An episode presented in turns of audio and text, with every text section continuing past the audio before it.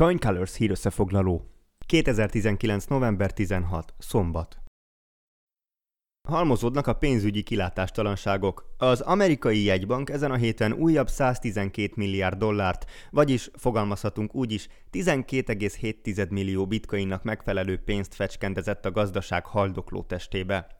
Tette ezt annak ellenére, hogy alig két hónappal ezelőtt egyszer már sikerült ennek majdnem a dupláját, 200 milliárdnál is több dollárt legyártaniuk. Egyre inkább úgy fest, hogy a Fed pénzegynyomtató vonatán nincsen fék. A Wall Street Journal szerint a bankmentő beavatkozás állampapír visszavásárlási megállapodások, vagyis repók segítségével történik annak érdekében, hogy a pénzügyi rendszer likviditása megfelelő legyen. A bankok nyilvánvalóan kevés készpénztartaléka és a piaci rendetlenség viszont azt jelzi, hogy a bankrendszerben nincs meg a szükséges puffer, ezért folyamatosan a Fedre kell támaszkodniuk, hogy az heti szinten nyomtasson milliárd dollárokat. Így pedig az egész gazdaság kezd egy rongyokkal betömködött, léket kapott hajóra hasonlítani. Egy kínai katonai újság szerint az ország katonáit ezentúl kriptopénzekkel is utalmazhatják jó szolgálataikért, valamint hűségükért. Elég volt annyi, hogy Xi Jinping, a kommunista ország elnöke néhány hete pozitív nyilatkozatokat tett a blokkláncról, és úgy tűnik, már is minden e körül forog. A blokklánc katonaságban és katasztrófavédelemben történő felhasználása egyébként már régóta téma. Nemrég mi is beszámoltunk egy magyar vonatkozású hírről, mely szerint Áder János köztársasági elnök is szorgalmazza bevezetését a védelmi szervek munkájában. A kínai hír fölött pedig azért sem suhanhatunk el csak úgy, mivel jelenleg Kína rendelkezik a föld legnagyobb hadseregével. Több mint két millió aktív katonájával a lista első helyét foglalja el a fegyveres erők létszámának tekintetében.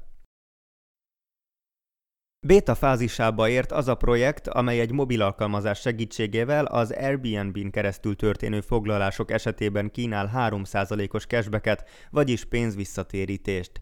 Az opciót lehetővé tévő Fold Crypto Startup egy San Franciscoi székhelyű cég, amely olyan nagy márkákkal dolgozik közösen, mint az Amazon, az Uber vagy a Burger King. A vállalkozás vezérigazgatója elmondta, hogy az egész rendszer olyan, mint a hűségpontok gyűjtése. A felhasználók maguk dönthetik el, hogy a kapott jutalmakat a platformon belül költik-e el, vagy kiutalják egy külső tárca címre. A stratégia célja, hogy a bitcoin gyűjtését szórakoztatóvá és könnyűvé tegyék a fogyasztók vásárlási szokásaival összhangban. Az applikáció jelenleg az Egyesült Államokban, az Egyesült Királyságban, Kanadában, Mexikóban és Ausztráliában érhető el. Alig két hete számoltunk be a börtönbüntetésre ítélt orosz kísérleti fizikusról és társairól, akik egy fizikai kutatóintézet eszközeivel bányáztak bitcoint, már is itt vannak a kollégáik, ezúttal az ukrán állami szférából. Történt ugyanis, hogy Lviv városának nyugati részén az ukrán vasutak alkalmazottai saját célra bányáztak kriptopénzt a villamos energia hálózat megcsapolásával.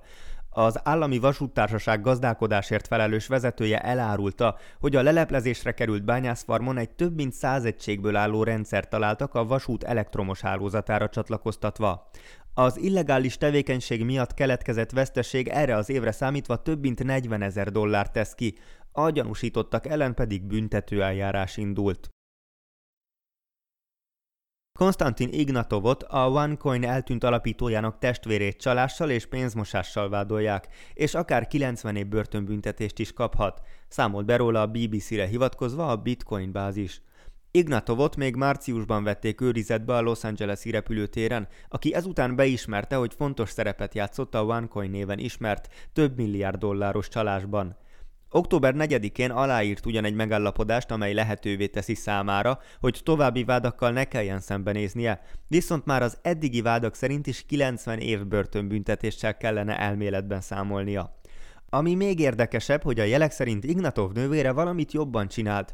Ő 4 milliárd dollárral tűnt el, és 2017 óta nincs hír a kilétéről.